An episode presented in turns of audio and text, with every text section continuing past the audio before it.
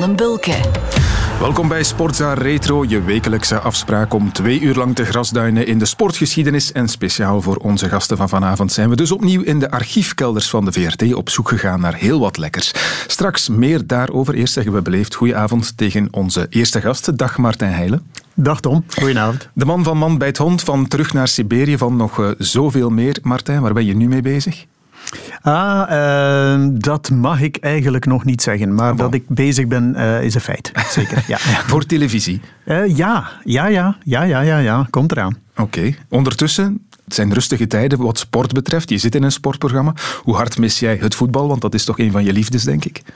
Dat is een oude liefde uh, die, die nog altijd ververst wordt met de week, zeg maar. Mm -hmm. En uh, ik, mis die, ik mis die eigenlijk wel uh, heel erg. Ja.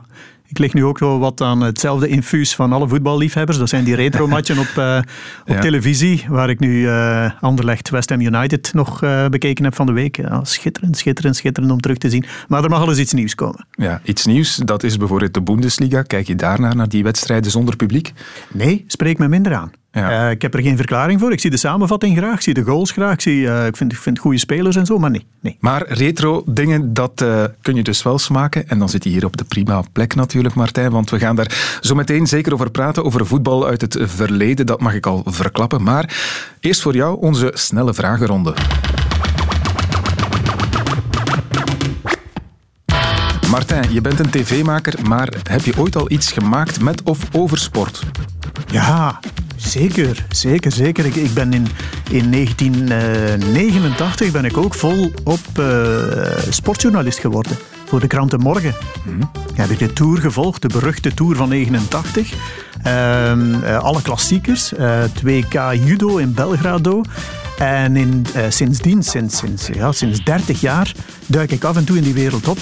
En uh, zou ik eigenlijk niets liever doen dan dat, dat blijven doen. Nog maar meer, meer goesting eigenlijk dan, dan de afgelopen jaren. Je hebt deze week zelfs nog iets gedaan met sport. Je bent de Puis Verbiest trofee gaan uitreiken. En hier woont de winnaar van dit jaar. Ja, proficiat. Merci, merci. Dag Jelle Bataille, kom eventjes buiten, want ik ben blij en vereerd. Echt waar, dat ik u deze trofee mag overhandigen. De Puis Verbiest trofee, je kent Ja, volledig verrast. Ja? En uh, een beetje ja, overweldigend dat jullie voor mijn deur staan. Uh, kan niet snel komen. Jelle Bataille kreeg van jou de Puis Verbiest trofee. Martijn, wat is de Puis Verbiest trofee? Dat is de beker voor de meest... Of de beker, dat is een gouden schoen voor de meest verdienstelijke speler van KVO van het afgelopen seizoen. En Bram Kersenbilk, de persverantwoordelijke, die wou dat ik dat deed in de stijl van zelf de deur 20 jaar later. En dat ik hem uh, compleet verraste. En dat is allemaal gelukt. Dat was uh, heel mooi. Ja, de trofee is genoemd naar Wilfried Puis en Laurent Verbiest voor onze ja. jonge luisteraars. Vertel eens iets over uh, die mannen. Misschien eerst over Wilfried Puis. Wie was hij? Wilfried Puis was een middenvelder, was een magische linkervoet. Uh, international ook. Uh, Laurent Verbiest was een ongelooflijke achterspeler ook. En uh, dat waren mannen die, ja, dat waren Oostendenaars. Hè. En ja, ik denk dat Laurent Verbiest verongelukt is op het Kennedy-rondpunt in Oostende. En Wilfried Puis die is voor Anderlecht gaan spelen, meen ik.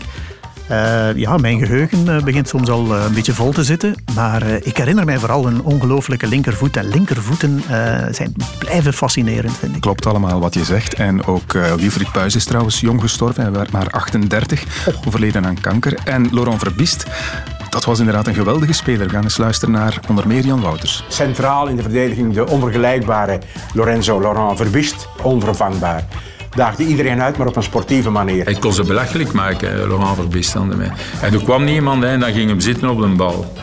En uh, dat was ook Laurent Verbiest. Dan ging je naar Luik spelen.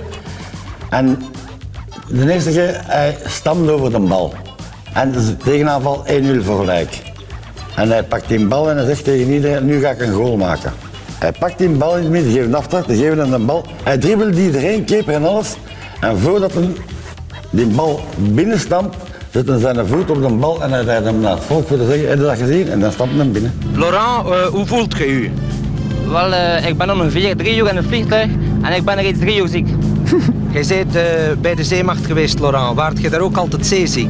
Nee, op zee ben ik nooit ziek geweest. Ik was namelijk de sterkste man van onze compagnie. Ja, schitterend om te horen, Laurent Verbist op het vliegtuig. We hoorden ook eh, Jean Trappaniers, Paul van Himst, allemaal ploegmaats eh, van toen. In die befaamde ploeg van Anderlecht, daar speelde trouwens ook een Heilens. Geen ik weet het, ik ben toen een supporter. Ik ben toen Ja? supporter geworden. Het is nu veranderd. Ik ben supporter van KVO. En niets is plezanter dan tegen Anderlecht winnen. Maar eh, toen, doordat Heilens daar speelde, ja, zeg. Wij waren de enige Heilensen in ons dorp, in onze streek, in onze provincie. En daar speelde er een bij Anderlecht. En dan die ploeg. Dat was zo'n goed voetbal. Ook de jaren daarop, tot en met generatie Rensenbrink en zo. Dat was echt, ja, die speelden het beste voetbal van België. En het meest met het meest brani ook.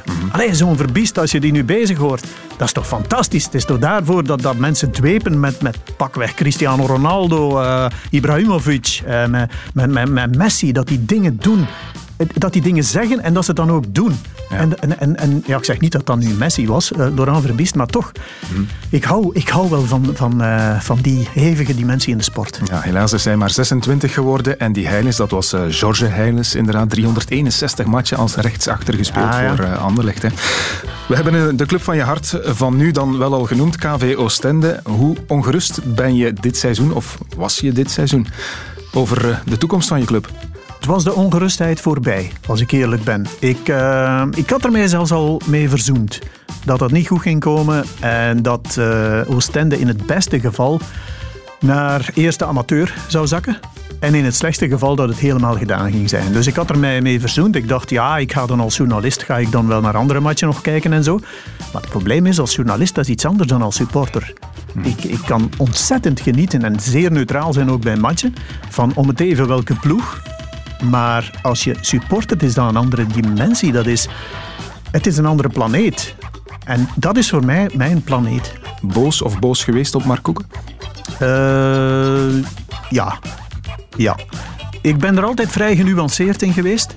Maar je vraagt mij een antwoord, dus ik zeg ja. Eh, er is zeker een periode geweest.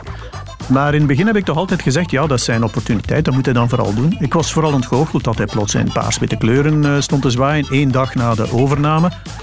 Eh, allee, begrijp dat ergens wel, als je het puur zakelijk bekijkt. Maar je staat niet ongestraft een hele tijd tussen de supporters in de spionkop op een trommel te slaan en, en uit te roepen dat het de club van je hart is, om dan meteen weg te gaan. Maar ehm, nu, op het laatste, vond ik de onderhandelingen toch wel keihard. En hing de toekomst van eh, Oostende eh, echt wel van hem af. En hij gaf geen krimp, opnieuw vanuit zijn zakeninstinct. En ik denk dat dan toch zijn hart het even overgenomen heeft. Want voor de rest hebben wij ons eh, ongelooflijk geamuseerd met die mens. En heeft hij ons ervaringen gegeven die we met geen enkele andere voorzitter eh, gehad hebben. Eind goed, al goed, hopelijk. En eh, op Oh ja, een ik- betere toekomst. Ik zeg daar met heel veel plezier goeiedag tegen. Ik geef die een hand als hij niet besmet is. En we gaan weer verder met het leven. Oké. Als je Wikipedia-pagina klopt, Martijn, dan ben jij geboren in 1956. Yep. Dat is ook het geboortejaar van een Pool die de Rode Duivels eigenhandig naar huis stuurde op het WK van 1982. Weet je nog wie? België-Polen 3-0. Oh, jongens toch. Of 0-3 moet ik zeggen, want Polen won die match dus. Oh nee, eh, En alle doelpunten waren van dezelfde man. het wordt allemaal gênanter. ik, ik, ken, eh, ik ken alleen de Polen van, van Lokeren in de tijd, denk ik. Lato en zo, maar dit is, het is daarna zeker. Die was erbij. Die was erbij. Die was erbij. We gaan eens, Lubanski. eh, de Poolse commentator je een beetje hulp laten geven. Dziubajs po prawej stronie Lato. Lato i blisko niego Milekam. Doskonale znajomi Lato do tyłu, do zagrania. Zbigniew Boniek, proszę Państwa. Pierwsza akcja, trzecia minuta, 36 sekunda. Zbigniew Boniek i Theo Kuster, 32-letni bramkarz reprezentacji Belgii. Theo Kuster stond in doel, maar het was Zbigniew Boniek die hem eh, drie keer klopte. Boniek, zegt die naam je nog iets? Nee, maar Zbigniew. Ja. Ik, ik wou op voorhand zeggen, eh, is het een Zbigniew? Maar ik vond die vraag zo belachelijk. maar nu ik het in het Pools hoor, vind ik het wel relevant. Ja, dus hij was het. Ehm, uit diezelfde match nog één vraag, ook om mee te eindigen dan.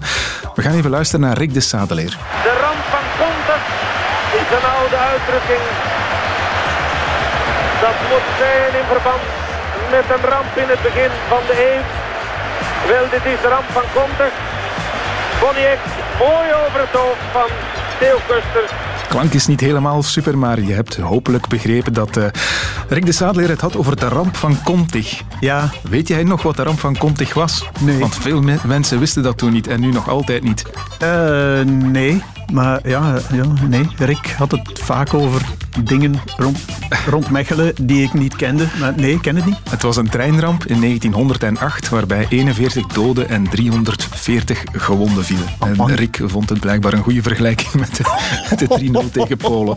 Oh, ja, ik weet niet of je er vandaag nog mee zou wegkomen, maar toen blijkbaar wel. Uh, nee, als je nu zou zeggen, uh, dit is even erg als de aanslagen in Zaventem en, en in Brussel, dan uh, nee, dat gaat u kwalijk genomen worden. Oké, okay. Einde van de snelle vragenronde.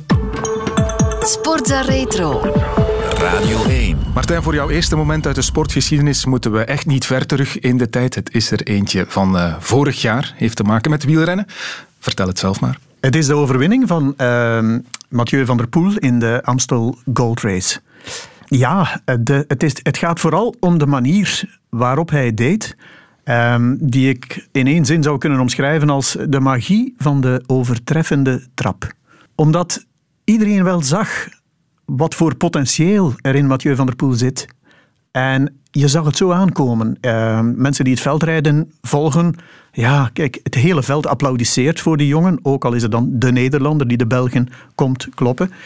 Maar uh, die vierde plaats in Gent-Wevelgem, die zei al iets. De vierde plaats in de Ronde van Vlaanderen, onmiddellijk daarop, vorig jaar, die zijn nog veel meer. Mm -hmm. Want ik heb het toen ook een beetje van nabij gevolgd. En de remonte dat die jongen toen gemaakt heeft, uh, ja, dat, ik, ik durf te zeggen dat dat tot, misschien toch wel de beste man in koers was.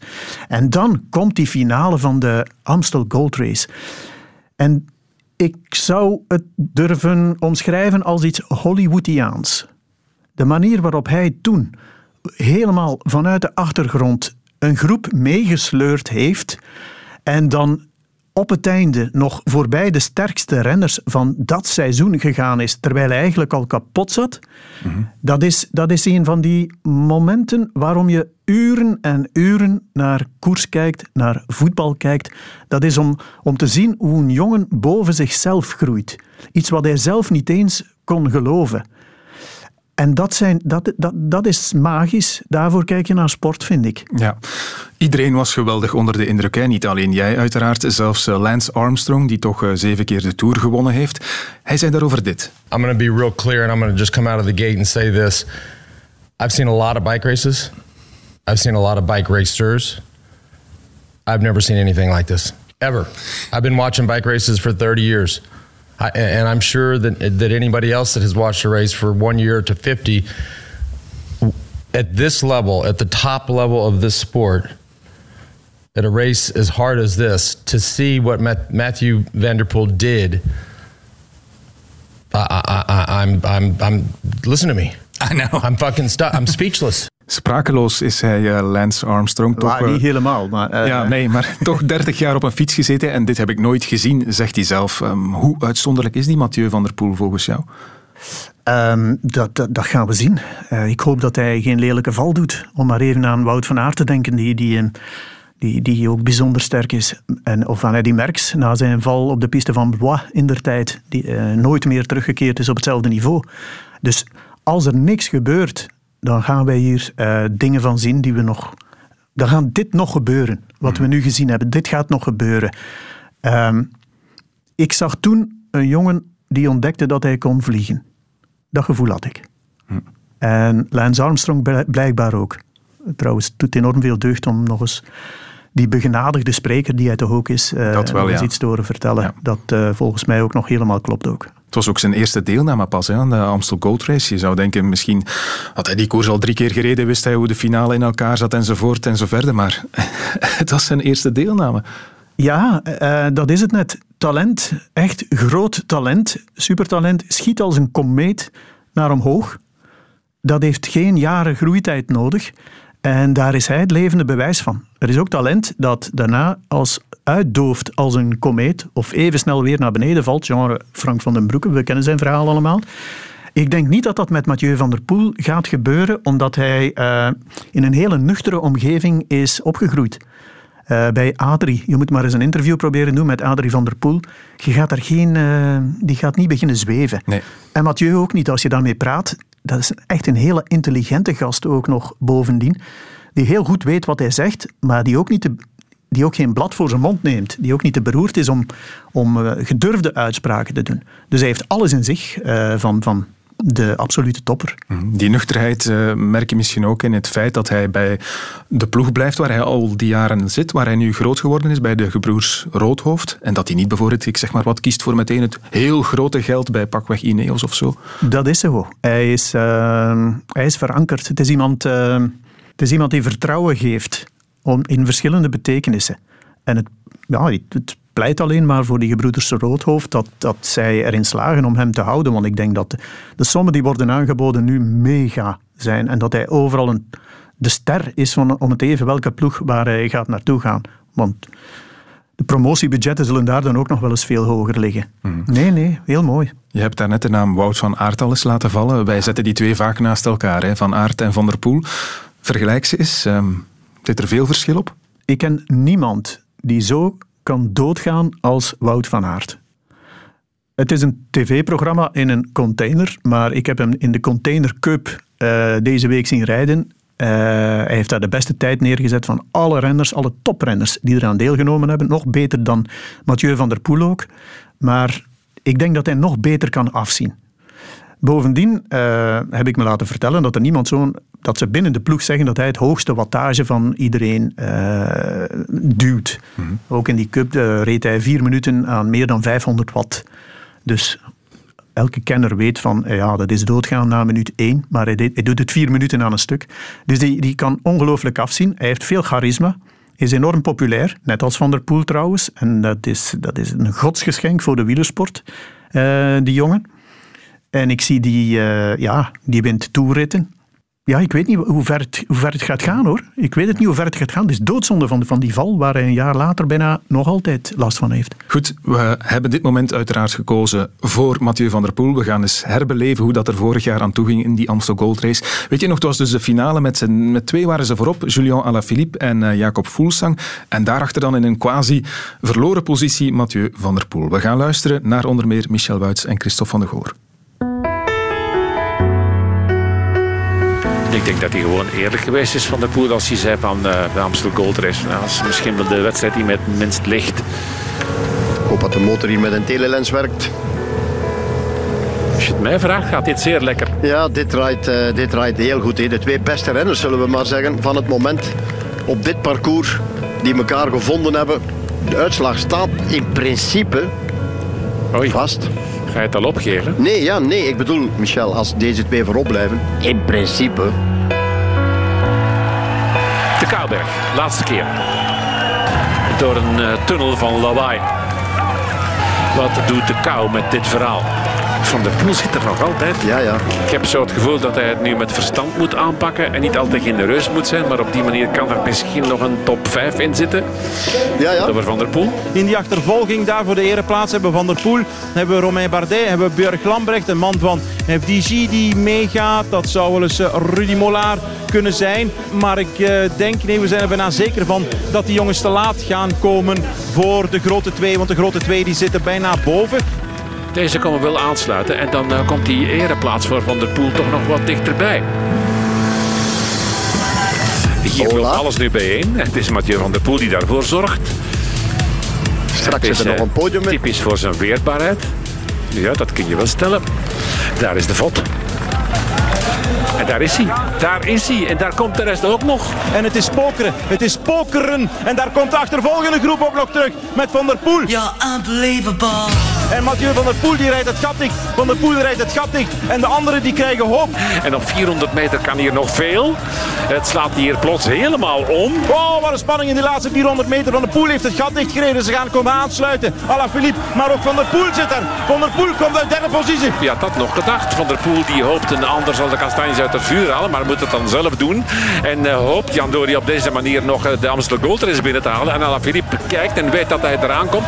En dus gaat hij heel ver uh, die sprint aanpakken. Maar Van der Poel komt wel. Van der Poel gaat winnen. Van der Poel. Ja, unbelievable.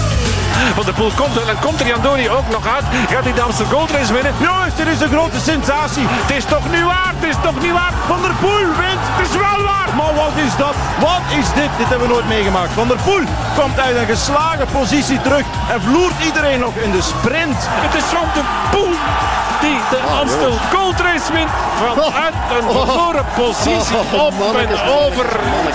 God en klein Pirke. Nederland wordt gek. Kijk hier, hier, hier. Wat is me dat allemaal? Ik weet het niet meer. Mensen worden hier gewoon gek, gek, gek, gek, gek. Een applaus van de aankomstlijn tot nu. Luisteraar, dit is een fenomeen. Ja, unbelievable. Ja, Christophe van der Goor, Michel Wuits en José de Kouwer. Martijn, dat zijn mannen die al zoveel koersen gezien hebben in hun leven en die wisten ook niet wat ze zagen. Hè? Nee, nee, nee. Eh, nee, nee. Net als Armstrong. Hè. Eh, Nee, het hen horen roepen nog eens van eh, dit hebben we nog nooit gezien. Dat is toch wel straf, na al die jaren, na al die, die grote renners.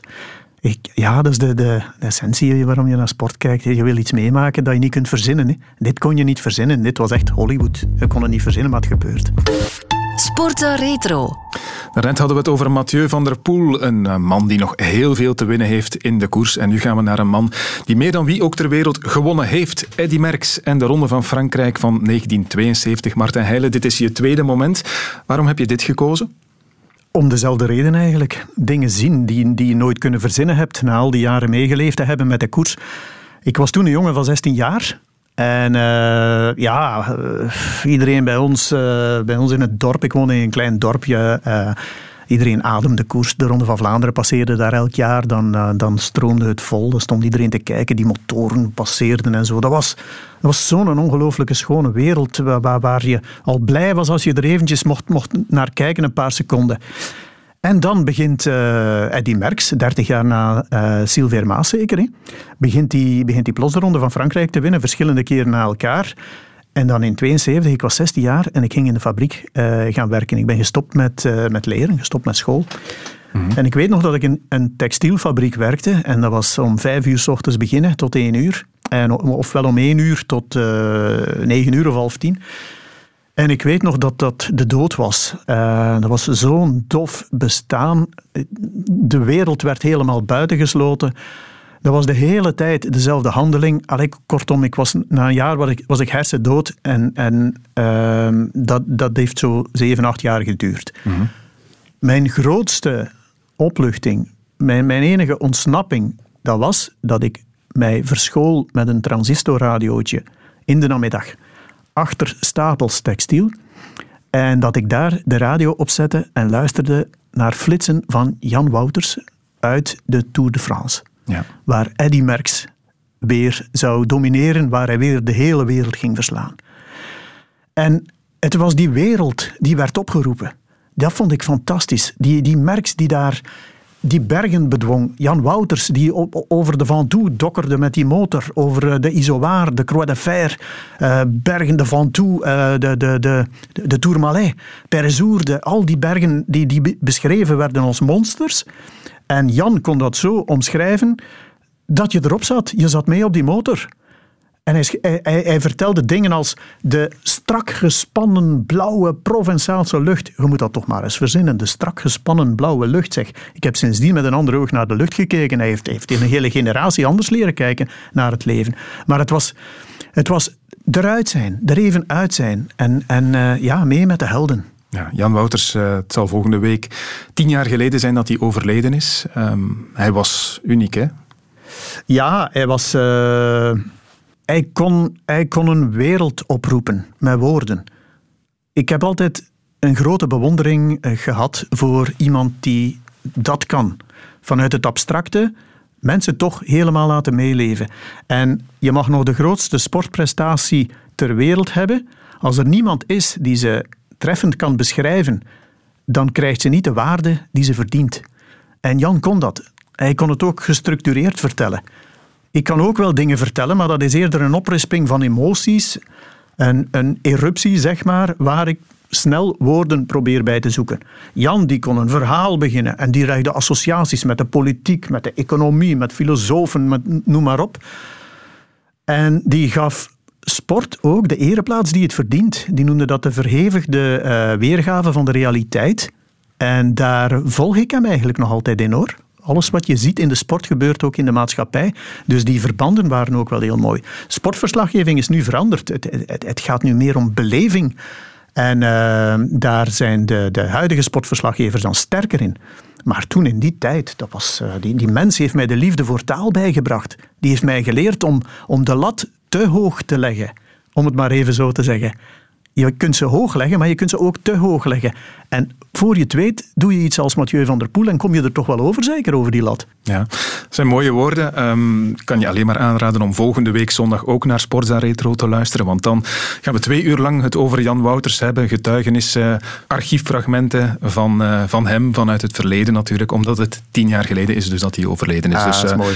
Dat wordt een, uh, een mooie en een fijne uitzending, denk ik. Um, nu eerst nog even terug naar die Tour van 72. Ah. Want wat weet je nog van die sportieve strijd van toen? Merckx heeft uiteraard gewonnen. Maar hoe ging het eraan toe? Weet je dat nog? Ik weet het echt niet meer. ik moet eerlijk zijn, nee. Ik had net zo goed kunnen opzoeken op Wikipedia en ja. dan vertellen, maar ik ga ervan uit dat jij het veel beter weet en, en, en, en het net zo goed kunt vertellen. Nee, ik weet het niet meer. Ik weet alleen dat het weer... Uh, was het met Okanja? Ja, het was het duel met Okanja. Oeh, ja, natuurlijk. Maar... Uh, Kijk, het archief doet het werk voor ons, zou ik zeggen. We gaan, ja. we gaan gewoon luisteren. En de eerste vraag die je hoort, komt uit de mond van Jan Wouters.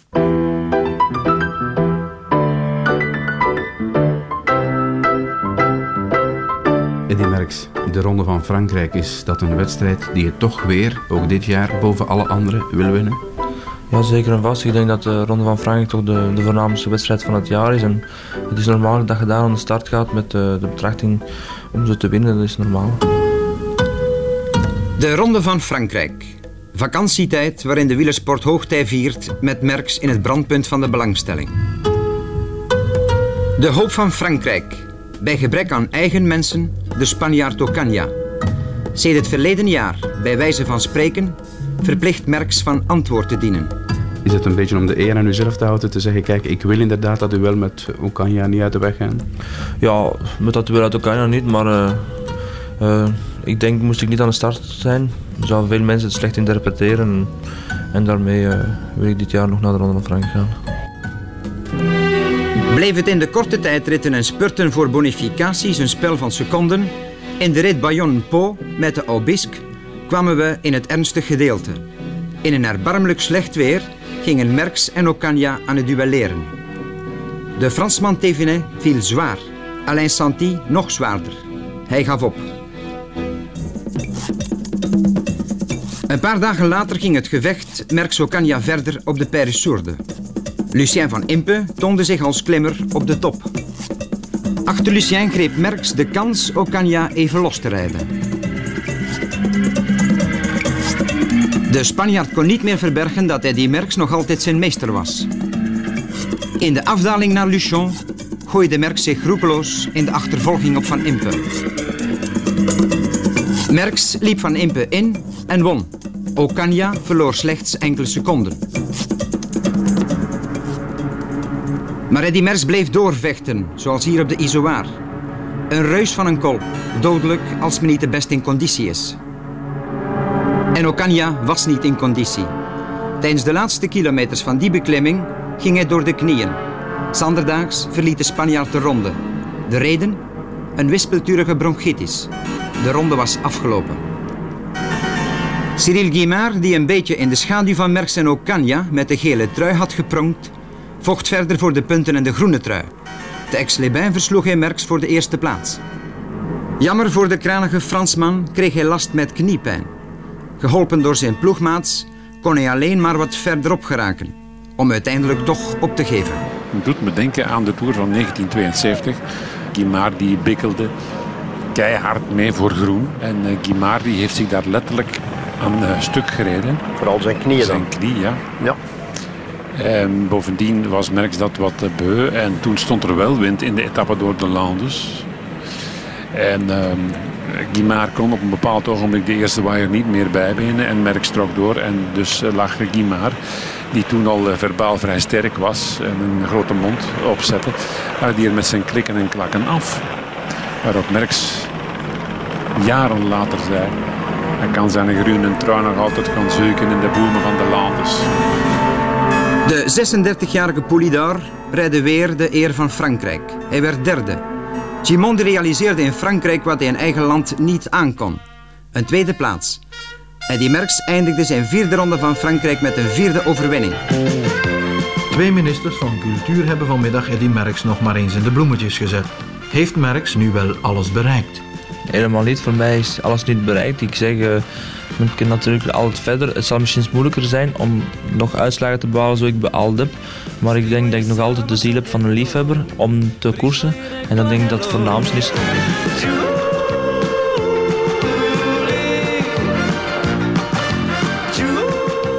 Ja, flarden van het radiocommentaar van Jan uit 1972 konden we helaas niet meer vinden. Niet alles is blijkbaar bewaard gebleven in het archief, maar dat maken we dus volgende week goed. Nu, Merckx won die uh, Tour van 72 met meer dan 10 minuten uiteindelijk op Felice Gimondi.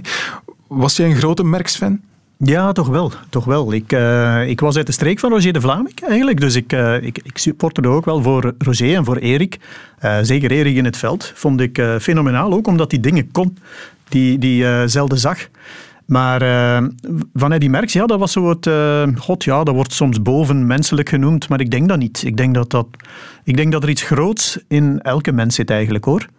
Alleen de ene kan beter met een fiets rijden en de andere kan, is dan weer een uh, fantastische loodgieter. Ik heb ook al in de bouw mensen gezien die dingen deden die anderen dan weer niet konden. Dus ik denk dat iedereen op zich een talent heeft dat hij tot hele grote hoogte kan brengen. Maar Merckx deed dat toch wel met heel veel overgave en bravoure. En dan, uh, ja, ik hield ervan als er uh, renners, zoals Frans Verbeek, een hele goede renner, in zijn wiel zat te sterven. Um, en zei, ja, die rijdt vijf kilometer per uur sneller dan ons. Ik hield er ook van dat uh, Roger de Vlaming er altijd tegen vocht. Die vocht. Een, een renner vecht al tegen zichzelf. Een topatleet vecht al tegen zichzelf. Dat is echt afzien. Maar uh, in de eerste plaats was winnen tegen Merckx was eigenlijk winnen sowieso. Ook al was er nog één voor. Sportza Retro. Jouw derde en laatste fragment gaat over een van de meest spectaculaire wedstrijden aller tijden van de Rode Duivels. We moeten opnieuw niet zo ver terug in het verleden naar het WK van 2018. Je hebt er een match uitgepikt. Ik kan al zelf wel raden. Ik weet welke het is natuurlijk, maar ik laat het aan jou. Ja, België-Japan. Ja, uiteraard. De alles of niets match. Van de hel naar de hemel, hè? Ja, ja, ja, ja, ja. dat zag er echt zeer beroerd uit. Uh, tot op het moment dat die actie kwam, van die tegenaanval. Uh, het is snel verteld, hè. De Bruyne, Lukaku, Chadli, die maar... hem binnenschuift. Lukaku de overstapje. Schitterend. En dan op het allerlaatste moment van de wedstrijd pas. Hè. Dat, dat maakt het ook natuurlijk het verhaal. Ja, dat is zo. Hè. Uh, dingen die in extremis gebeuren, zijn toch vaak de meest memorabele. Heb ik al ondervonden. In mijn eigen leven gelukkig nog niet. maar, maar, toch al heel vaak in voetbalwedstrijden. Uh, er, zijn, ja, er zijn trainers die een reputatie opgebouwd hebben, ploegen, of laten we zeggen gewoon Duitsland. En, uh, en hier was het echt een explosie van talent en van kracht ook. Ja. En van weerbaarheid ook. Voor alle duidelijkheid, wie het toch al mocht vergeten zijn. Het was de achtste finale tegen Japan, dus België kwam 2-0 achter. Wat dacht je toen op dat moment? Dat het verdomd moeilijk ging worden. Ik, uh, het was nog altijd mogelijk, maar we spreken hier over voetbal. Hè. En uh, ik moet eerlijk zeggen, in, als, als ik als neutrale kijker naar een match zit te kijken, ben ik meestal voor de underdog. Omdat je dan daar toch het meest deugd van hebt als die wint. Anders is het voorspelbaar. En kom aan zeg, in het leven wil je wel eens dat iets voorspelbaar is. Maar in de sport, hoe onvoorspelbaarder, hoe plezieriger toch. Uh, dus, uh, maar je wou niet dat Japan België klopte. Ik zat nu niet bepaald voor de Japanners te supporteren. Nee. Dus ineens keerde dat zich allemaal tegen, tegen, uh, tegen ons, tegen mij, tegen iedereen in België. En dan dacht ik op het einde dacht ik echt van, oh mensen lief, tot die aanval vertrok. En dan, allee ja, als je al vaak naar voetbal gekeken hebt, dan weet je, het is nu mogelijk. En dan, ja, er zijn al drama's gebeurd in laatste minuten en in extremisten. België is al uitgeschakeld, David Platt, remember. En, uh, en nu waren ze geplaatst. Ik vond het een van de mooiste dingen die er waren. Ik moet wel zeggen, ik heb uh, toen kom afgemaakt met een traditie, mijn vrouw en ik, bij... Ja, kijk, wij, uh, ik ga graag eens op café kijken. Ik kijk ook wel eens naar een groot scherm, maar ik kijk eigenlijk liever thuis. Ik luister graag naar de commentaar en zo. Mm -hmm. Maar wat mijn vrouw en ik toen deden, dat was de radiocommentaar opzetten. En uh, dat was dus Peter van den Bemt en Eddie Snelders. Eddie was er ook bij, denk ik. Het was Ja, in elk geval Peter van den Bemt. En na die match hebben wij dat niet meer gedaan. En weet je waarom? Hoezo? Omdat ik, eh, ik moet opletten met mijn hart. Het laat zich kort samenvatten hoor. En ik vond het, eh, ik vind het, ik vind het gewoon levensgevaarlijk van dat te doen. Want Peter van den Bemt, dat is iemand, dat is, je zou kunnen zeggen, een moderne variant op Jan Wouters, maar met zijn eigen kwaliteiten. Dus qua beleving, qua beleving ramt hij het er echt wel in. En word je daar vanzelf opgewonden door. Maar als je het ook nog eens combineert met beeld, dat is er over. Dat is te spannend. En eh, mijn vrouw zei ook tegen mij, willen we dat niet meer doen? Ik zeg, nee, we gaan dat niet meer doen. Dus ja, het klinkt misschien onnozel. Nee, helemaal Maar het was zo verschrikkelijk spannend al de hele match. En we zaten zo ook ongeveer bijna raadloos in elkaars hand te knijpen. En dan gebeurt dit en dan die juichkreten en al die dingen. Allee ja, ik ik hou mijn hart vast ook voor nu eigenlijk. Ja, is het niet nog spannender trouwens? Stel dat je het beeld er niet bij hebt en je hoort Peter van den Bem dan over België-Japan en je moet het je nog zelf voorstellen hoe het er dan uitziet en je, je weet niet waar de bal precies is. Is die op, op 50 meter van doel of op, op 30 meter van doel? Oké, Peter geeft dat allemaal mee natuurlijk, maar je moet toch nog voor een stuk ook zelf denken. Hè? Ja, ja, maar sowieso heb je op tv toch nooit echt het hele overzicht. Je kunt op de radio soms, soms meer overzicht geven. Je kunt soms iets zeggen over spelers die buiten beeld aan het meerennen zijn. Ik, ik weet niet hoe dat verteld is op de radio met Chadli die er plots, eh, Chadli, sorry, die er plots opduikt en zo. Eh, nee, het is daarom niet spannender, maar ik vind het wel mooier eigenlijk. Ik vind eh, commentatoren op televisie, ja, die, die kunnen ook maar zeggen wat ze zien of, of zwijgen gewoon en het laten gebeuren. Op de radio, ik moet eerlijk zeggen, ik ben zo dankbaar voor de, voor de Sportza voetbalprogramma's tijdens, tijdens eh, competitiedagen, waarbij ik s'avonds laat, na een lange werkdag of na een lezing ergens in het verre Limburg naar, nog naar Oostende moet rijden. En dat je dan kunt die radio opzetten. En je weet, er gaan prikkels zijn, je weet, er gaat enthousiasme zijn. En voor je het weet ben je thuis. Dat vind ik fantastisch. Ja, we horen het je graag zeggen, Martijn. En uiteraard gaan we luisteren naar Peter van den Bemt, Eddy Snelders en die spectaculaire wedstrijd tussen België en Japan. En we gaan trouwens ook de Japanse Peter van den Bemt horen. Hier komen ze. Oké.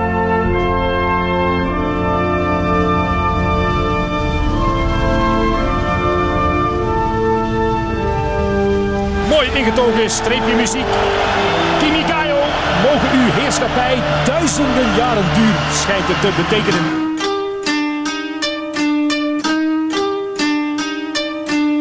Nagatomo kan een voorzet trappen, kiest voor het balbezit en dan, oh la la, de vlak, oh Courtois laat er bijna lopen, is dat nu? Een deviatietje van dichtbij van Osako. Courtois, die laat die bal schieten door de benen. Wel, wel, wel, die dat de plunder van het WK kunnen zijn. Maar hij is er nog op tijd bij. Oh, la, la, la, wat was dat? 相手陣内に向かってボールを運んでいきます後半2分経過スルーパスが出てきたチャンスだった原口がペナルティーエリアの中に入ってきたシュートを打った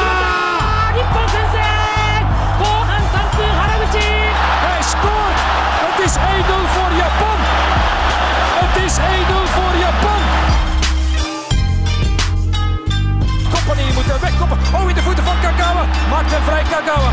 Kan niet tot een schot komen. Inui, opletten voor de knal. Inui 2-0. Oh la la. Inui 2-0. Wat een geweldige kegel. En hij kan er niet bij, die bal Courtois. Wat gebeurt er hier allemaal? Is dit het drama van Rostov dat in de maak is? Wat een geweldige goal van Inui. 2-0 achter. Oké, dat gebeurt, dat is voetbal. Maar we zijn blijven gaan. Ik denk veel mensen geloven er niet meer in. Ik denk als je in België zou vragen, dan met 2-0 dacht iedereen oké, we komen naar huis.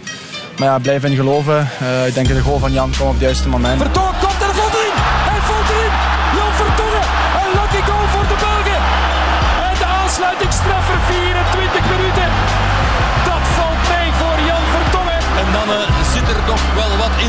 is nog altijd 20 minuten te gaan.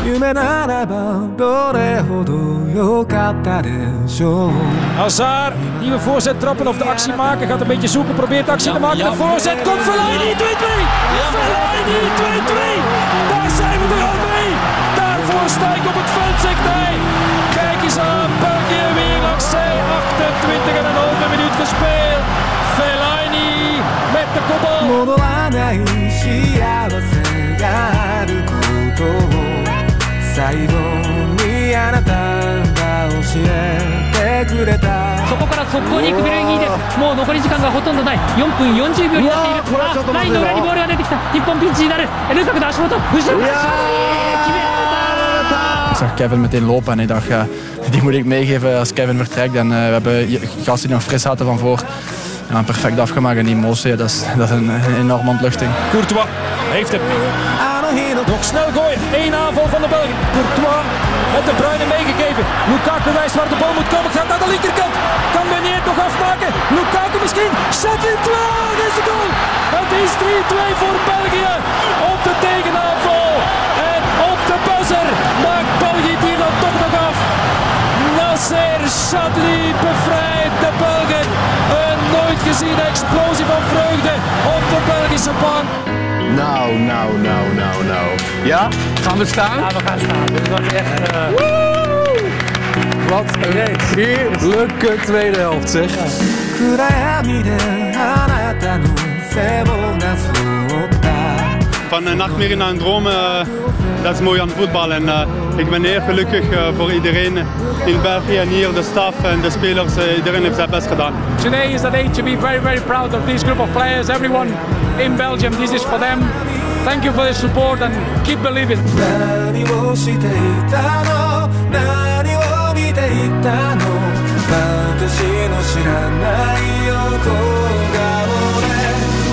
何 Ik weet niet hoe het bij jou zit, eh, Martijn, maar dit was voor mij vier minuten kippenvel. Buiten adem, hè. Vreemd. Hoe is het met je hart?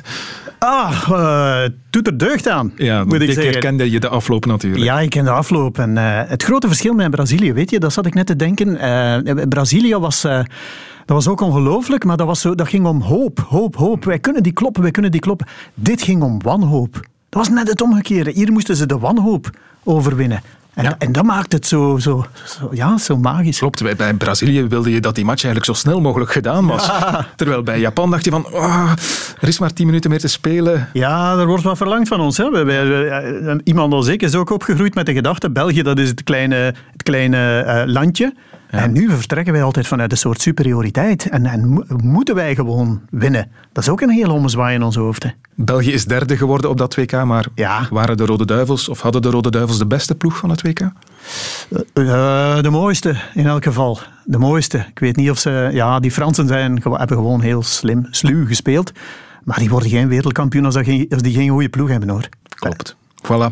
We zijn ermee rond. Martijn Heijlen, dit waren jouw momenten uit de sportgeschiedenis. Ik hoop dat je het een beetje fijn vond. Ah, ik vond het ongelooflijk.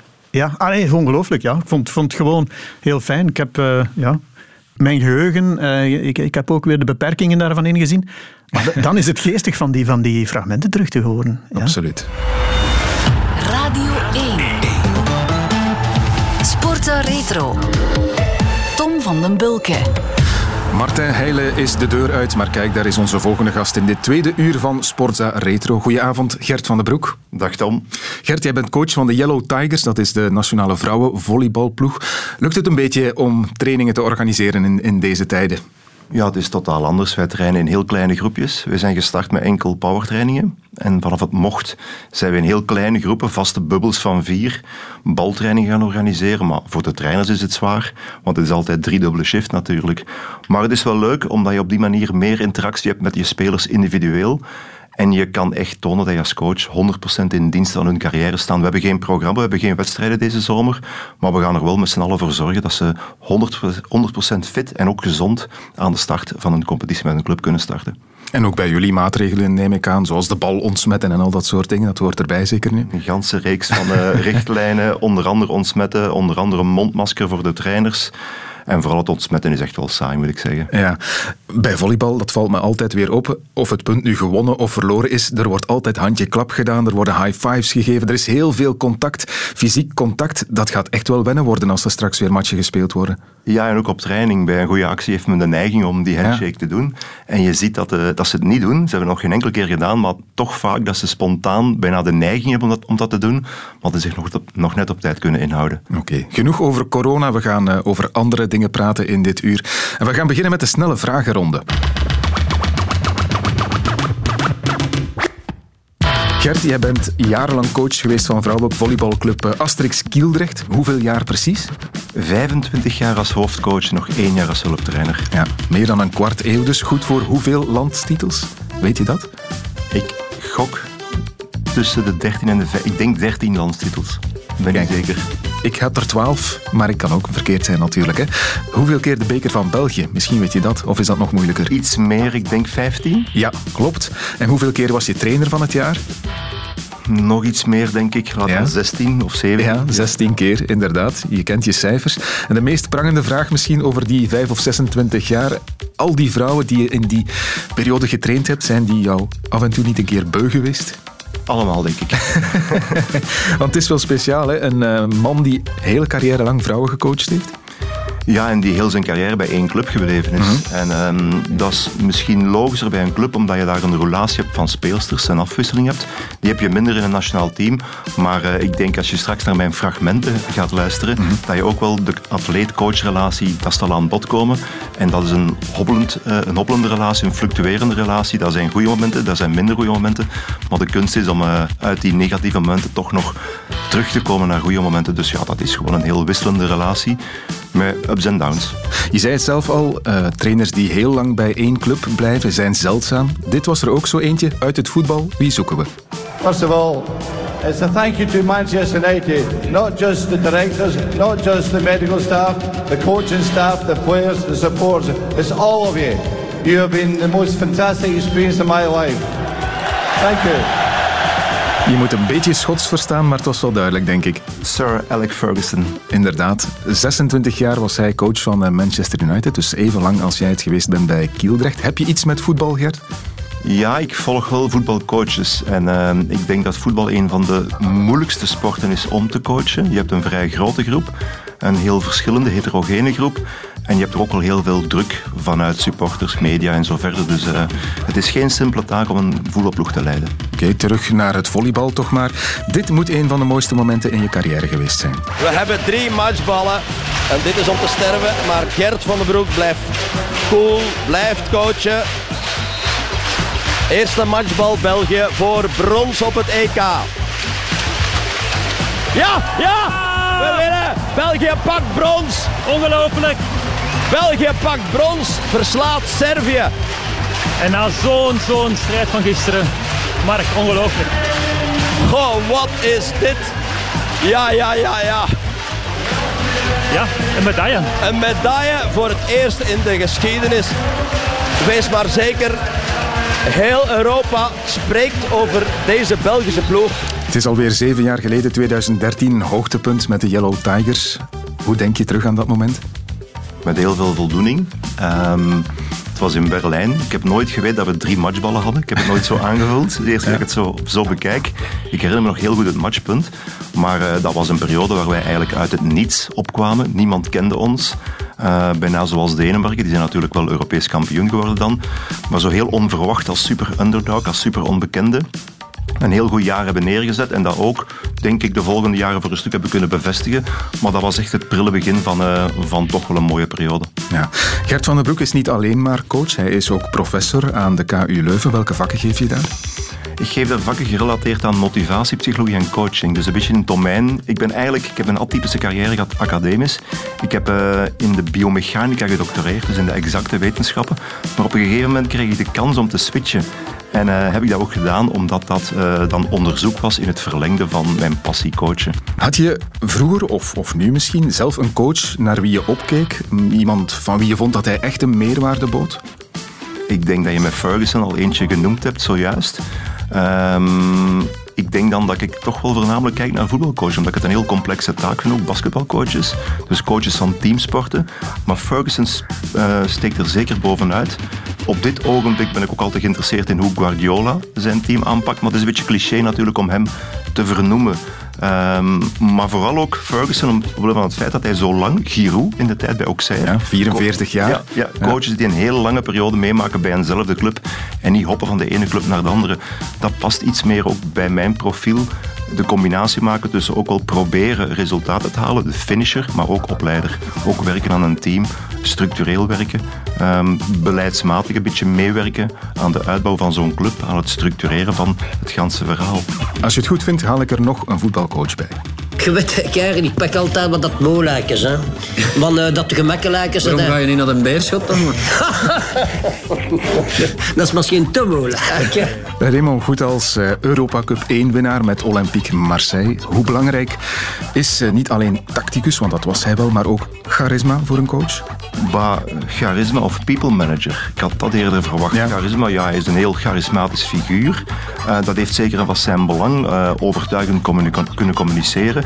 eh, conflicten kunnen managen binnen een groep. Dat vraagt heel veel people management. En ik denk dat die kwaliteiten minstens evenwaardig zijn aan de louter tactische zaken. Maar je hebt de beide voor een stuk wel nodig om, om voldoende impact te hebben op een groep. Moet je ook voldoende het spelletje Hij was een vadersfiguur ook hè, voor zijn spelers. Ja, en dat is denk ik het voordeel van een aantal jaren ervaring. Coaching is ook een Dus in dat opzicht speelt de leeftijd soms in het voordeel van de coach. Je bent dus professor, zoals gezegd, om daarmee af te ronden. Nog deze vraag. Weet je welke wielrenner Le Professeur genoemd werd? Is dat Fignon? Ja, dat klopt. Laurent Fignon. Hij werd zo genoemd eh, wegens zijn brilletje, maar ook wel omdat hij gestudeerd had of zijn studies afgemaakt. Dus eh 50 jaar helaas maar geworden, Laurent Fignon, maar wel de winnaar van de Tour in 1983 en 1984. Voilà, daarmee zitten we aan het eind van de snelle vragenronde. En het is tijd voor jouw momenten. Sportza Retro. Het eerste moment dat je gekozen hebt uit dat eh, gigantische sportarchief is best wel origineel, vind ik. Vertel maar, je gaat voor een turner. Ja, ik wilde zeker niet allemaal fragmenten pakken uit eh, teamsporten. Ik heb er maar eentje genomen, zelfs uit de teamsporten. Ehm, en ik vind dat een enorm bijzondere prestatie. Eh Epke Zonderland, de Nederlandse gymnast aan de rekstok.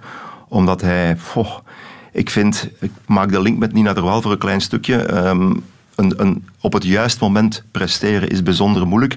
Maar zij moeten zoveel risico leggen in een oefening, dat ik altijd het gevoel van controle kwijt ben wanneer ik als toeschouwer kijk naar zo'n oefening. Het is een moment waar dat je niet... Het gaat daar niet over goud of zilver, het gaat over goud of niets, want zij kunnen van dat toestel afvallen. Dus eh, stressmanagement is ongelooflijk cruciaal. Ehm, het juist inschatten van hoe risicovol maak ik mijn oefening.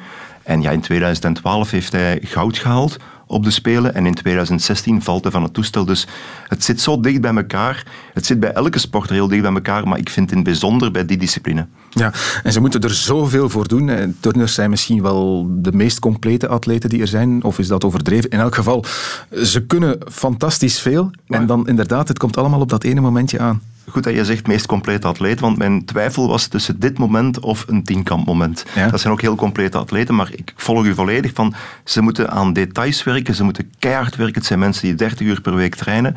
Dus wat dat betreft, absoluut een modelatleet. Ik vergelijk niet graag sporten, dus zeggen dat de ene meer allround dan de andere is, is denk ik moeilijk. Maar zij moeten zo aan details werken. Zij moeten ook tegen blessures inwerken. Epke Zonderland wilde meedoen of wil nog altijd meedoen aan de volgende Spelen in Tokio. En hij zegt ook zelf, mijn grootste twijfel is blessurevrij blijven. Dus dat trainingsregime wat zij doormaken is zo oneindig hard. Zij zijn zo ongelooflijk gedisciplineerd dat, eh, dat ik heel veel respect heb voor niet enkel die prestatie dan qua psychologische maturiteit, die stress kunnen controleren, maar ook dat trainingsproces kunnen managen. Dus eh, absoluut grenzeloos veel respect voor deze prestatie en dat is een heel overtuigde keuze van mij. Ja, vertel nog eens iets over die Epke Zonderland. De Flying Dutchman is een bijnaam. Het is, het is een, een verstandige kerel ook, hè? Ja, je noemde juist le professeur Laurent Fignot, maar eigenlijk had ik hier uh, Epke Zonderland moeten antwoorden, want hij heeft de studies geneeskunde gecombineerd met deze topsportcarrière. Vaak zeggen we en denken we dat studies niet combineerbaar zijn met, maar hij heeft het tegendeel bewezen. Ik ben er ook niet van overtuigd dat dat voor iedereen weggelegd is, laat dat duidelijk zijn. Uh, dat is heel individueel verschillend, maar uh, het toont wel de klas van deze persoon en de discipline in het managen van al die taken en het combineren van al die taken. Ja. Goud op de Olympische Spelen van 2012. Vier jaar later ging het inderdaad mis, maar hij staat nog altijd aan de top, hè? want ik denk twee jaar geleden nog wereldkampioen geworden in Doha. In 2018 in Doha en in 2019 nog Europees kampioen, denk ik. Dus, uh, en hij was klaar, hij was terug fit. Hij heeft wat gesukkeld met blessures, ook gezien zijn leeftijd. Het is niet evident om in die sport gedurende tien jaar de absolute wereldtop te zijn. Hij was klaar voor Tokio en zijn grootste twijfel, zoals ik juist zeg, is kan hij fit blijven? Hij gaat proberen zijn carrière nog met een jaar te verlengen, maar uh, voor zulke atleet is dat wel een pijnlijk gegeven, die coronacrisis en die uitstel van de Spelen. Wat de toekomst brengt voor hem, dat weten we niet, maar wat het verleden gebracht heeft, dat weten we natuurlijk wel. En daar gaan we nu naar luisteren. 20 voor 9 tijd voor onze Olympische update. Turner Epke Zonderland deed het fantastisch aan de rekstok. Voor hij aan de beurt was, werden er al verschillende topscorers eh, neergezet. Maar met Epke Zonderland moest het beste dan nog komen. Ja, ik, ik bevat het gewoon nog niet. Ja. Het is echt... Uh, het zo, zo, snel voorbij eigenlijk. Ik heb me ook uh, voor die tijd helemaal afgezonderd van, van de wedstrijd. En toen ik hier binnenkwam, ik heb echt geen één oefening gezien. Maar ja, die oefening ongelooflijk. Ja, het liep niet uh, helemaal soepeltjes, maar uh, dat maakt niet uit. Zo'n uh, zo'n zo moeilijke oefening gewoon door te dat is al een prestatie op zich. En ja, natuurlijk, ja, het geschouwd dus maakt, maakt helemaal niks meer uit. uiteindelijk missie is geslaagd.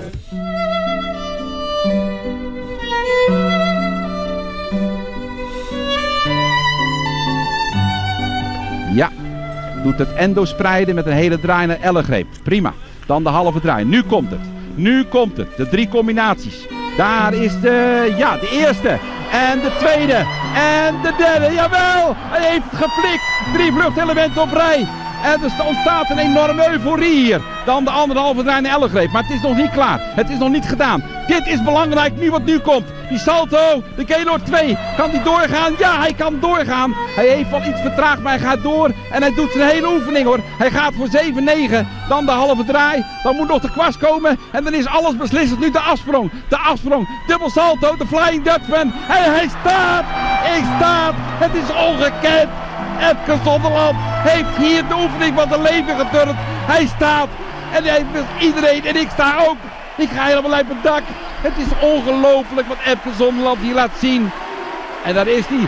16.533. Het is ongelooflijk. Hij staat 1. Hij staat 1.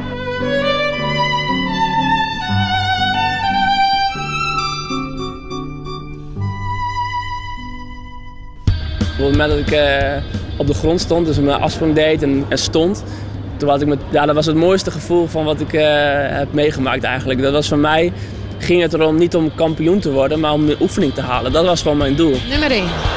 Nummer 2. Ja, hij doet het. Hij doet het. Ja, hij doet het. Fantastisch. Rio is ready to make history. Rio está pronto para fazer história. Gaan die vingers het houden? De Flying Dutchman, hier komt hij. Gaat hij twee keer twee doen of gaat hij nee doen? Het is, het is de bedoeling dat hij twee keer twee doet. Ben benieuwd. Cassina Kovac en dan Coleman Gaylord 2.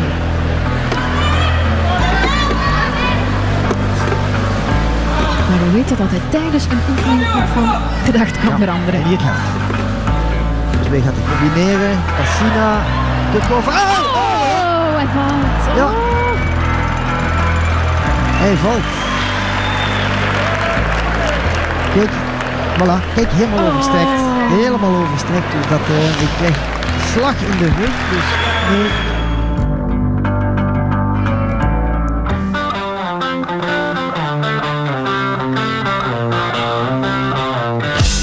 Tafel zit Epke Zonderland, kerstvers, arts, vader en drievoudig wereldkampioen. Door de BBC dit weekend betiteld als de Flying Doctor. En door Hugo Borst op Radio 1 als de grootste Nederlandse sporter van deze eeuw. Afgelopen zaterdag werd hij in Doha, Qatar voor de derde keer wereldkampioen op zijn oefening de rekstok. De overwinning droeg hij op aan zijn zoon Bert IJssen, die drie weken geleden werd geboren.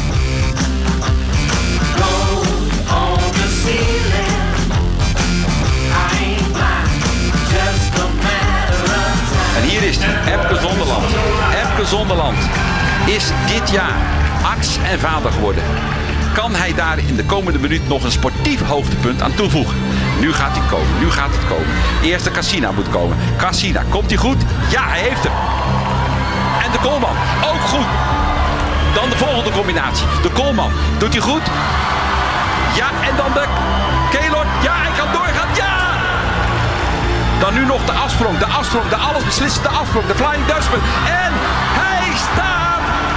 Ik krijg het helemaal Spaans benauwd van uh, zijn prestatie hier aan de rekstok. 15.100.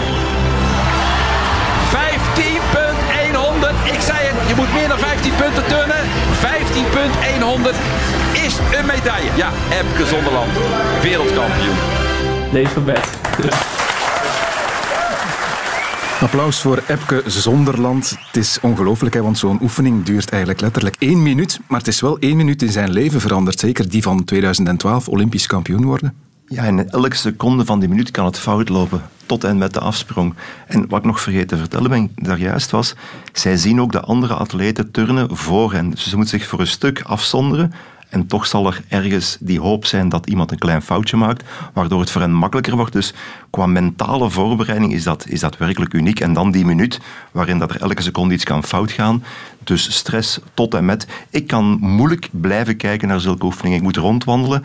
Um, ook bij Nina der Waal. Het is niet het moment, zelfs niet op het topje van de zetel te gaan zitten. Het is echt voor, voor, uh, voor te lopen ijsberen en te lopen stressen. Tot ze dan stilstaan en die oefening eindelijk die lange minuut is afgerond. Ja, jij zou dan eigenlijk geen goede coach zijn voor Nina Derwaal, als ik het zo moet begrijpen. Maar, maar die coaches hebben de gro het grote geluk dat ze tijdens de oefening niet veel moeten doen. Dus ja. uh, of je op de ijsberen op dat moment, ze kunnen nu niet zien. Zelfs je lichaamstaal is niet belangrijk. Dus uh, ik denk dat het weinig, weinig impact heeft op dat moment. Je moet je atleet op dat moment loslaten, maar... Uh, ik denk niet dat ik uh, voor dat soort sporten gemaakt ben. Ook niet voor het trainingsproces om aan zulke details langdurig te werken. Past minder bij mijn persoonlijkheidstype, denk ik. Ze moeten enorm streng zijn ook, hè, denk ik. Ja, ja, ze zijn enorm gedisciplineerd. Ze zijn heel streng, maar um, ook heel ondersteunend voor een atleet. Dus ze hebben een heel speciale coach-atleetrelatie. Ze hebben ook een hele speciale leidinggevende stijl die, die, die hard is, die streng is, maar ook rechtvaardig is. Dus um, het, zijn, is een speciaal type van coaching en toch wel licht anders uh, heel directief dan vele, in vele andere sporten, waar de coach vaak afhankelijk wordt van de atleet. Daar is er nog duidelijk een hiërarchische verhouding tussen coach en atleet. Ook een klein beetje omwille van de jonge leeftijd, meestal van die atleten. Epke Zonderland is er wel 34, dus dat wordt inderdaad, zoals je zei, ja, al bij al nipt. Het is eigenlijk, ik, ik vind het vrij straf dat hij op die leeftijd nog zo aan de top staat. Ja, is heel uniek, denk ik, uh, vooral in die sport die zo belastend is voor je lichaam. Um, hij heeft dat volgehouden. Hij heeft ook een heel moeilijke periode met blessures gekend, heel recent. Hij was net terug fit. En uh, ik heb een reportage gezien met Daphne Schippers, denk ik.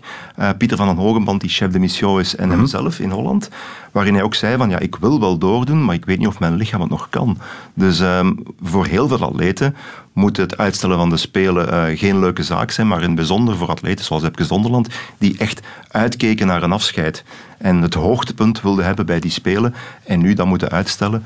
Maar hij is natuurlijk wel intellectueel en mentaal tot heel veel in staat. Dus uh, ik, ik kruis mijn vingers en ik hoop echt. Mm -hmm. uh, in 2021 ga ik toch op het begin van de oefening op het puntje van mijn stoel zitten en daarna rondlopen en, en hopen dat hij wint. Ik ga een supporter zijn.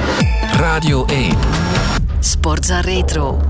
Voor je tweede fragment moeten we terug naar 1988 en een van de meest dramatische WK's uit de geschiedenis van het wielrennen. Op 28 augustus gingen ze met z'n drieën sprinten voor de wereldtitel. Mauricio Fondriest, Steve Bauer en Claude Criquillon. Hoe dat afgelopen is, gaan we nu herbeleven. Einde van de voorlaatste ronde. 14 man hier aan de leiding. Claudie Criquillon zit erbij in het midden van dat groepje. Het is een vrij snelle ronde en Claudie Criquillon gaat zelfs demareren hier bij het ingaan van die ronde. Ja, slaat een kloof. Ginder gaat hij. Kijk, op eigen terrein, in eigen streek, op 20 kilometer van zijn thuis. En niet iedereen kan reageren. Bauer probeert het in de verte. Maar het is een Italiaan die terugkomt. Fondriest misschien. Ja, dat is hij. Maurizio Fondriest, de comingman van het Italiaanse wielrennen. En dat is de klasse. Aarzelt niet, gaat onmiddellijk mee aan de leiding rijden. Voor de ene het begin van een schitterende carrière. Voor de andere zou het een schitterende, fijne carrière kunnen zijn. Maar slechts één kan de wereldtitel halen. Criquillon reed voor eigen volk. Fondriest was vrij jong. Had ook nog niet veel ervaring. Zeker niet meer WK op, op dat niveau daar. Um, ik denk dat Criquillon op dat moment zelf, ja, zelfverzekerd was. Dat hij gewoon met, met iedereen zou doorgereden hebben. I knew that it was, you know, the race was almost over unless we were going to get him. It was sort of like now or never. When we turned towards Ronza, I just said myself, okay, I, I, I go everything. You know, now, now's the time. De Kruisberg. De laatste kilometer, de laatste 900 meter. En daar komt Steve Bauer. Die komt hier naar de motor toegereden. Op 50 meter, op minder dan 50 meter van uh, en Criquillon. Criquillon kijkt op. Eén belager hebben ze nog de twee. De drie man op het podium rijden hier voor mij. Met de motor erbij. Steve Bauer komt nu bij Vondriest en Criquillon. Steve Bauer in het wiel met z'n drieën. Het podium hier op de Kruisberg. Op 650 meter van de streep. Nou, de zet de sprint in als het ware. Gaat toch even op de trappers. Gaat niet voluit. Vondriest in tweede positie. Dan Bauer. En Crickelion die houdt in. Bauer die moet even op adem komen. Krijgt de kans daartoe. Kijkt achterom. Er is niemand bij. Er komt nog wel één renner, maar die komt te laat. Nog hoeveel meter? 500 meter van het einde. Wie wordt wereldkampioen? Claude Crickelion voor de tweede keer. Steve Bauer voor het eerst. Of uh, Mauricio Vondriest aan het begin van een schitterende carrière. Bauer nu naar links. Geen gevaar. Crickelion trekt zich op gang rechts. Maar nee, daar zit geen sneeuw op die demarrage. Gaat ook niet door. Bauer naast hem. Vondriest nog altijd aan het wiel. Geen achtervolgers. Nee, die kunnen we vergeten. Dit zijn de drie mensen die we op het podium krijgen. Maar in welke volgorde? Met Steve Bauer die nog even gaat schakelen. Criquillon recht op de trappers naast hem. Vondriest aan het wiel nog steeds. Met z'n drieën. 375 meter nog. 350 meter op dit moment met nog steeds Steve Bauer aan de leiding. Vondriest en Criquillon. Nog 300 meter met uh, ongewijzigde situatie. Vondriest zit best geplaatst op 275 meter van de aankomst trekt Steve Bauer nu het tempo op. Nog 225 meter. Bauer langs het publiek. En wat een enthousiasme, wat een spanning. Bauer even op tempo. Uit de zadel. Crickelion op Vondriest. De langste, de rangste. Vondriest derde. Tweede Crickelion. Eerste Bauer nu op 200 meter van de streep ongeveer. De sprint is begonnen. Bauer gaat. Bauer van links naar rechts. Crickelion in het wiel en dan Vondriest. Nog altijd Bauer. Op 150 meter van de streep. Bauer naar de wereldtitel. Maar Crickelion die probeert het wiel te houden en probeert er langs te gaan. De deur wordt dik gedaan. Crickelion valt. Crickelion valt tegen een politieband. Hey! Let's go! Hey, oh, let's go! Oh, dat daar ligt hij! En Bauer gaat hij het halen! Maar wat gebeurt er? Vondriest haalt het! Goed Beurenaren! Vondriest wereldkampioen en u hoort hier de woede van de supporters hier uh, aan de kant. Bauer tweede en Criquillon die heeft een uh, kwak gekregen van uh, Steve Bauer. Dramatisch einde van dit wereldkampioenschap, dames en heren. Dat weer de geschiedenis zal ingaan, zoals dat van 1963 in Ronsen met Van Looy en Beheid. Manoeuvre van Bauer niet toelaatbaar, niet geoorloofd. Vondriest was geklopt. Daar is Piper op weg naar de vierde plaats. Vondriest was geklopt, maar wandelt dan naar de wereldtitel. Nadat uh, Bauer onze landgenoot Criquillon had gehinderd. Criquillon die niet meer vooruit kan, die te voet wordt gesteld.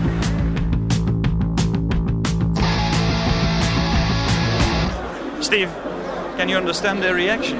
What, what happened for you? I can understand their reaction because uh, Criquillon fell.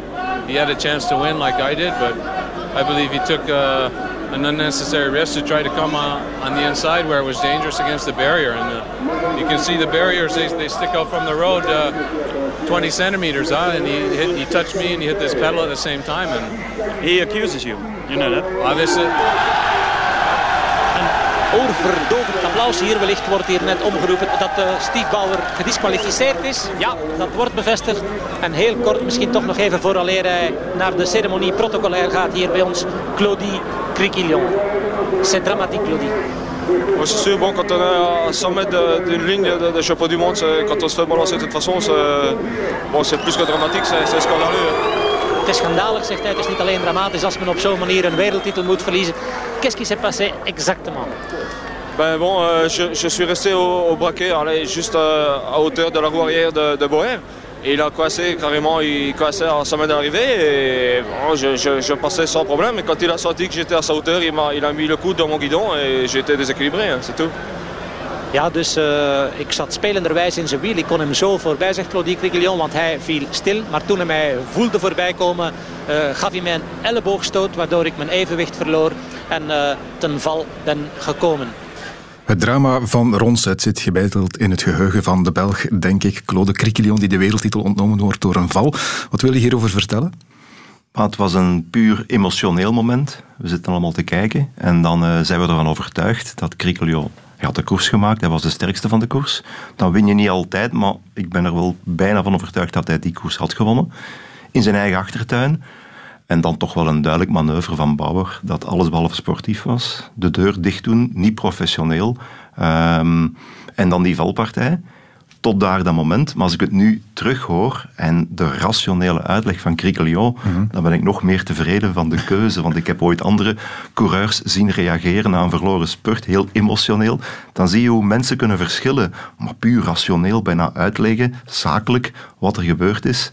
Ah, het, is heel mooie, het is heel mooie radio, moet ik ja. zeggen. Hoe heb jij dat beleefd toen, dat uh, WK? Pure woede. Ja? Dus uh, ja, op dat moment heel verontwaardigd, onrecht aangedaan aan de persoon van Criquelion. Dus um, heel emotioneel, alles behalve rationeel. Ik kan me zelfs de interviews niet herinneren.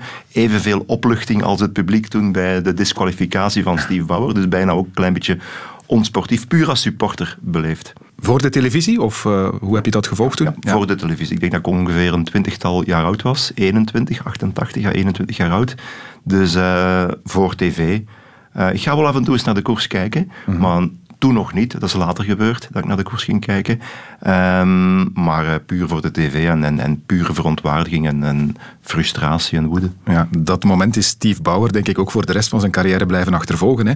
Toch zeker in België. Iedereen kon hem wel lynchen hier. Ja, ja absoluut. Hij was de, de persona non grata sindsdien voor het Belgisch publiek. Um, ja, ik denk dat hem daar een, een, absolute fout maakt. Hij heeft al lang moeten meedragen, misschien wel te lang dan achteraf bekeken, maar het was een emotioneel moment en men heeft iemand iets afgenomen waar hij meer dan recht op had. Ik zeg het, hij heeft de koers gemaakt en zo verder. Er is wel een heel mooie revanche gekomen. Mm. Uh, een jaar later in de Amstel Gold Race. Niet echt een revanche, omdat ik denk dat Erik van Lanker die koers wint. Maar uh, er is dan een bijna gelijkaardige spurt voor de tweede plaats tussen Steve Bauer en Cricolio. En, en, je zou je moeten bekijken, die spurt. Cricolio kiest daar wel degelijk de andere kant, het midden, om Steve Bauer voorbij te gaan. En hij wint heel nipt, maar hij wint wel van Steve Bauer. Wat nog meer rechtvaardigt dat hem daar echt wel onrecht is aangedaan. En dat hij daar de morele winnaar was van die koers. Ja, het geluk voor uh, Claude Cricklion was dat hij vier jaar eerder al eens wereldkampioen geworden was, in 1984. Dat was toen in Barcelona. Weet je wie toen ook op het podium stond? Nee. Steve Bauer. Ongelooflijk hoe die elkaar gekruist hebben in, in hun carrière. Bauer was toen derde en uh, Claude Crickelion wereldkampioen. Ah ja, totaal niet. Maar ja, het, het, mag dan misschien een magere troost zijn dat hij ooit wereldkampioen geweest is. Dat verzacht de pijn. Maar hoeveel coureurs kunnen zeggen dat ze twee keer wereldkampioen ja. geworden zijn? Dus het had iets unieks geweest aan een carrière van toch wel een heel groot renner. Hij is daarna nog, denk ik, één keer Belgisch kampioen geworden en toch niet meer echt heel grote resultaten kunnen. Het was echt een orgelpunt geweest op zijn carrière. Ja, het was een man van de klassiekers vooral, hè? Ja. Ja. ja, en um, ja, hij, hij, was veelzijdig wat die klassiekers betreft. Hij kon, hij kon een beetje bergop rijden, een beetje veel zelfs. Nou, toen toch een paar keer op het podium in Luik, Bastenaken, Luik. Waalse Pijl ook gewonnen. Ja, hij was zeer allround, uh, was een sterke coureur. Maar ik ben nu echt wel aangedaan door het moment, het interview achteraf, waarin hij amper een kwartier of tien minuten na de wedstrijd zo rationeel, zo, zo lucide, ja. zo cool ja. zijn uitleg doet. Dus uh, ja. dat wist ik niet. Ja, want je zou inderdaad verwachten dat die man op dat moment een, een vat vol emoties is die ontploffen staat. Uh, ja, dat, dat hij Steve Bauer misschien te lijf zou willen gaan op zo'n moment. Ja, dan denk ik terug aan het interview. Ik denk Gent-Wevelgem met uh, Eddie Plankaart, Erik van der Aarde. Die ja. dan verliezen van Bontempi, denk ik. Ja. Met een en al beschuldigingen, een en al emotie, eh, woede, die er dan ook uitkomt. Ook uh, mooie tv of mooie radio op dat moment. Ja. Maar toch wel anders. Nu, ik heb dit moment ook een klein beetje gekozen... Um, altijd zo'n parallel maken met vandaag. Ja, de onveiligheid die er toch wel ook is. Enerzijds hier, uh, de oorzaak ligt bij de renner zelf, Steve Wabber in dit geval. Maar de dranghekken, als je die beelden terug bekijkt met die... Die politieagenten. Die, ja, die politieagenten die daar staan. Het was bijna één, één oranje wal van, van, van mensen. Dus... Um, ook het, het, het, gedrag van renners in spurts. Um, ik ben ooit eens te gast geweest op Vive le Velo. Ik vond dat een van mijn mooiste ervaringen in de sport. En toen was er een feit, ik denk dat uh, Froome demareert wanneer Nibali um, problemen heeft met zijn versnellingsapparaat. Ja. En dan werd de vraag gesteld, is dat sportief, is dat niet sportief? En ik heb toen gezegd van oké, okay, als, um, het was toen nog niet gebeurd, maar als je achteraf bekijkt, als Van Aert had moeten stoppen, telkens keer dat Van der Poel in Luxemburg op het WK veldrijden lek rijdt, ja. ja, materiaalpech kan bij de sport horen. Maar het gedrag in een spurt wordt, soms zijn we daar vrij tolerant en noemen we dat professioneel de deur dicht doen. Um, ik denk dat we in de wielersport nog een beetje vooruit gaan kunnen maken wat betreft, wat betreft veiligheid. Er zijn nog toch iets te veel slachtoffers geweest. Sportza Retro. We zijn toe aan het derde en laatste moment van Gert van den Broek, coach van de Nationale Volleybalvrouwen. En voor dat laatste moment, Gert, ben je het in je eigen sport gaan zoeken? Vertel. Ja, niet in eigen land, wel in de eigen sport. Um, een moment, Atlanta 96 voor mij het begin ongeveer van mijn eigen carrière als coach. Dus dan kijk je ook naar, naar, naar, naar dat volleybal, dan kijk je naar wat er in een groep gebeurt, wat er door de coach uh, teweeggebracht wordt in een groep. En heb je de lange mannen, de Nederlanders, die goud halen in Atlanta 96 op de Olympische Spelen. En ja, dat is een traject van 11 jaar. Die mensen zijn in 85 samengekomen in een sport al die bankras heden. Men, men, spreekt nog altijd van het bankrasmodel. Mm. Die hebben een club verlaten. Die hebben zich volledig toegelegd op de nationale ploeg. Zijn daar beginnen trainen. En de bedoeling was om een hoogtepunt te hebben in 92. En daar pakken ze zilver op de Spelen van Barcelona. Dan is dat model eigenlijk ook, dat project eigenlijk voor een stuk gestopt, want die spelers zijn naar clubs gegaan. Die hebben dan voor het geld, voor het grote geld gekozen en dat ook heel begrijpelijk.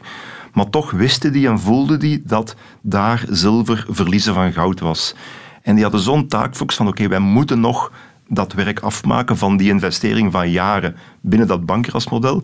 En terwijl dat die mensen eigenlijk totaal niet meer met elkaar overeenkwamen, die waren werkelijk uitgekeken op elkaar, hebben die dat toch kunnen overstijgen, hebben die zich geëngageerd om richting Atlanta dan ja, dat ultieme doel, die gouden medaille te halen. En er is een reportage over gemaakt, De Lange Mannen. Je kan dat zo op internet vinden. Dat is een, een reportage van een, een, dikke 30 minuten, denk ik. En dan zie je toch wel het werk achter de schermen, wat er achter de schermen gebeurt. En dat het team is not always a dream. Dus uh, de spanningen, de conflicten binnen een ploeg. Een ploeg die eigenlijk ja, op haar tandvlees zit, maar nog wel die ene ultieme prestatie leveren ja, en er ook in slaagt. Wat moet ik me daar precies bij voorstellen bij uitgekeken zijn op elkaar? Ruzie maken. Ja, um, ja conflicten. Um, nu, dat team, dat is niet het team van 85 dat in 96 speelt. Daar zijn jongere mensen bijgekomen. Bijvoorbeeld, die kregen dan taken als de valiezen dragen en zo verder. Die pikten dan meer. Um, dat was ook een ploeg met heel sterke karakters. Ik denk dan voornamelijk aan de spelverdeler Peter Blanchet, een heel grote, ja. letterlijk heel grote persoon van twee meter en zoveel, uh, die vrij dominant was en die ook openlijk zegt van ja, als ik die speler niet meer graag had, dan gaf ik, zo noem dat, een pasje binnen-buiten. Zo een beetje een slechte pas, waardoor hij toch moest vervangen worden. Dus je ziet ook dat daar op dat moment die ploeg zo matuur is, dat hij eigenlijk de bovenhand haalt bijna op de coach. Dan zie je ook hoeveel impact die spelers hebben en hoeveel people manager, wat het er straks over een coach moet zijn. Is een heel mooi verhaal. Ja, ook als je weet dat dat project in 85 is opgestart door Arie Selinger, de coach, een, een, een coach en wiens zoon ook in die ploeg speelt. En als je dan weet dat die zoon, dat was een spelverdeler, die had een heel belangrijke rol, tot en met 95. En net voor dat ultieme jaar, net voor die ultieme bekroning, wordt die zoon van die coach, eerst was die coach al weg, wordt ook die zoon weggestuurd. Dus dat verhaal kent zoveel spanningen op teamniveau tussen coach en atleet. Uh, dat is een uniek verhaal, denk ik. En dan was die finale ook nog eens razendspannend, hè? Vijfzetter tegen Italië. Geen normale match. Men zegt nog altijd een van de mooiste wedstrijden ooit gespeeld. Ik heb die wedstrijd honderden keren herbekeken. Um, over gediscussieerd met jonge trainers. Ik was zelf een heel jonge trainer op dat ogenblik. Uh, pas gestart, 29 jaar oud denk ik. Um, dit, was een, dit was een leermodel, op dat moment puur technisch-tactisch, strategisch, maar achteraf ook groepsdynamisch, als je die verhalen dan achteraf hoort. Dus uh, dat is echt wel een, een sleutelwedstrijd in uh, elke jonge... Maar echt honderden keren bekeken? Ja, ja, die wedstrijd heb ik heel veel bekeken, omdat die die qua spankracht zo mooi was, maar ook qua volleybal zo mooi was. Um, ja de Italianen hadden ook een fantastische ploeg. De Italianen hadden meer. De Italianen hadden in de voorbereiding of in de, in de poelenfase Holland weggeveegd met 3-0. Dus weer die underdog-situatie van oké, Holland was toch lichtjes underdog, maar ja, het, het moest het orgelpunt worden. En die gebetenheid, die gedrevenheid, die heeft het gehaald met een hele grote factor geluk. Laat ons ook altijd eerlijk zijn. Want eh, als je, ik denk dat Italië meer punten scoort, die wedstrijd. Zij winnen de twee sets, of de twee sets die ze winnen zijn duidelijk. De drie sets die Holland wint zijn vrij nipt. Maar ja, op het einde onthoudt niemand dat. En ik denk dat matchpunt, dat kan iedereen nog naspelen. Dat kent iedereen nog. De bal van Zwerver. De man die er van bij de start Ron bij was. Zwerver, Ron ja. Zwerver, ja. Nog ooit bij Roeselaar gespeeld. Ja. Die er van bij de start bij was. Die, die dan aanvalt. Wat men doet alsof hij het laatste punt gemaakt heeft. Maar ik vind dat persoonlijk niet, die bal wordt verdedigd. Er is een minder goede setup. En Gianni, ja, de grote man van Italië, die tegen de antenne slaat. Dus dat is een... En dan Joop Albert, die dat veld oploopt met de handen in de lucht. Nauwelijks omringd wordt door de spelers. De spelers die...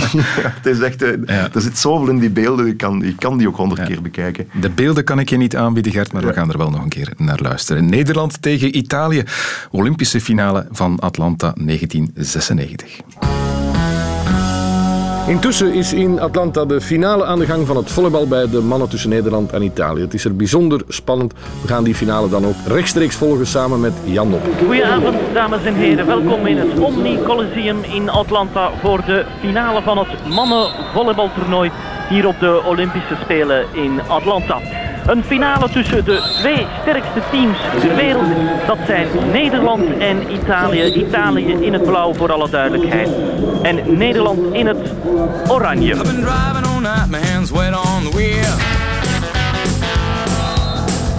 En Van der Meulen. Top van Gardini. Papi. Afgeblokt. En nu Zwerver. Kan hij het afmaken? Vingertoppen van het blok. En zo wordt het setpunt voor Nederland. Vierde het Oranje Legioen, of toch een deel ervan, want ze zitten verspreid over de zaal. Gurtsen met de verdediging van der Meulen en via blok buiten. En Nederland wint de eerste set met 15-12.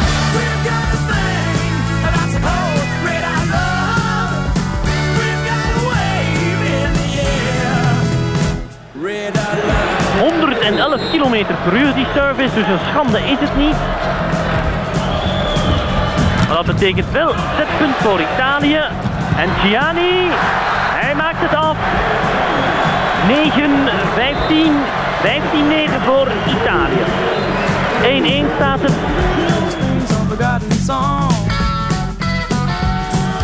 Zwerver.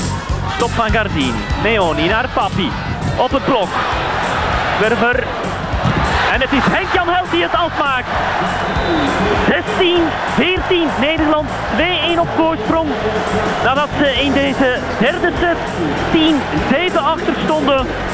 En het er even naar uit leek dat Italië zo onder stoom was gekomen dat het Nederland zou ondersteboven lopen. Maar de Nederlanders weer helemaal terug in de wedstrijd en hoe ze staan 2-1 op voorsprong. En zijn op één set van Olympisch goud. 14e punt voor Italië. En een punt voor de tiebreak. Bal is gespeeld over het net door Blanchet. 8, 15. We maken ons op voor een vijfde en beslissende en heel waarschijnlijk razendspannende tiebreak. We zijn al bijna drie uur aan het spelen in deze Olympische finale tussen Nederland en Italië. Stand in sets 2-2, 15-15 in de vierde, in de vijfde set nu de beslissende set. Maar nu moet die Nederland opnieuw scoren op eigen service. Zo niet is het weer wedstrijdpunt voor Italië. Gianni. Van de Goor in de verdediging. En de Italianen kunnen... Oh, nu kan Nederland gaan scoren, want die wordt opgevangen. Olaf van der Meulen, laat maar uitgaan jongen. Nee, hij pakt hem toch. Een uh, setup en moet Ron Zwerver het dan doen? Ja, Ron Zwerver moet het doen. Ron Zwerver moet het doen. 16-15 op dit moment.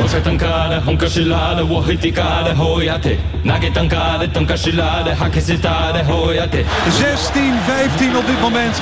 Opnieuw een matchpoint, een Olympisch goudpoint voor Oranje. De spelers kijken elkaar aan. En dan een hele moeilijke paas van de Italianen. Nee, we zijn er nog niet. We zijn er nog niet, maar nee, kan kan het, nu kan het komen. Nu gaat de bal naar Ron Zwerver. En maakt hij dan Olympisch goud? Nee, nog niet.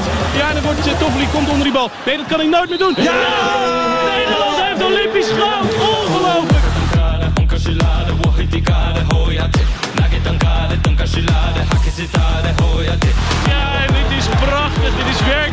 prachtig. Ole van der Meulen, hij, hij rent door het veld heen.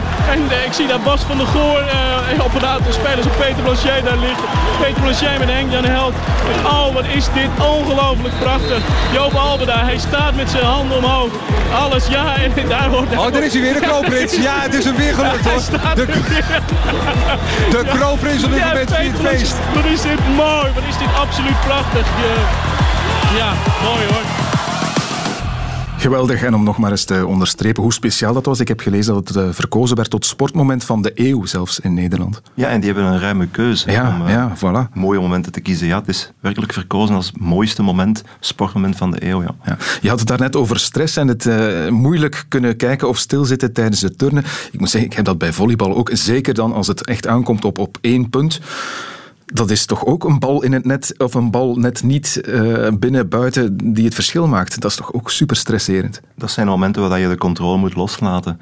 En, en waar dat geluk sowieso ook een factor is. Maar ja, natuurlijk moet je dat zo, minim, zo in de maat van het mogelijke minimaliseren. Maar als je ook dat matchpunt weer bekijkt daar, het is eigenlijk een mislukte service van Bas van der Goor, die heel, gelukkig heel kort achter het net valt, waardoor eh, de Italianen in de problemen komen. Maar het begint daar met eigenlijk een kleine misser die goed uitdraait. Dus daar zit een factor gebrek aan controle, geen controle in.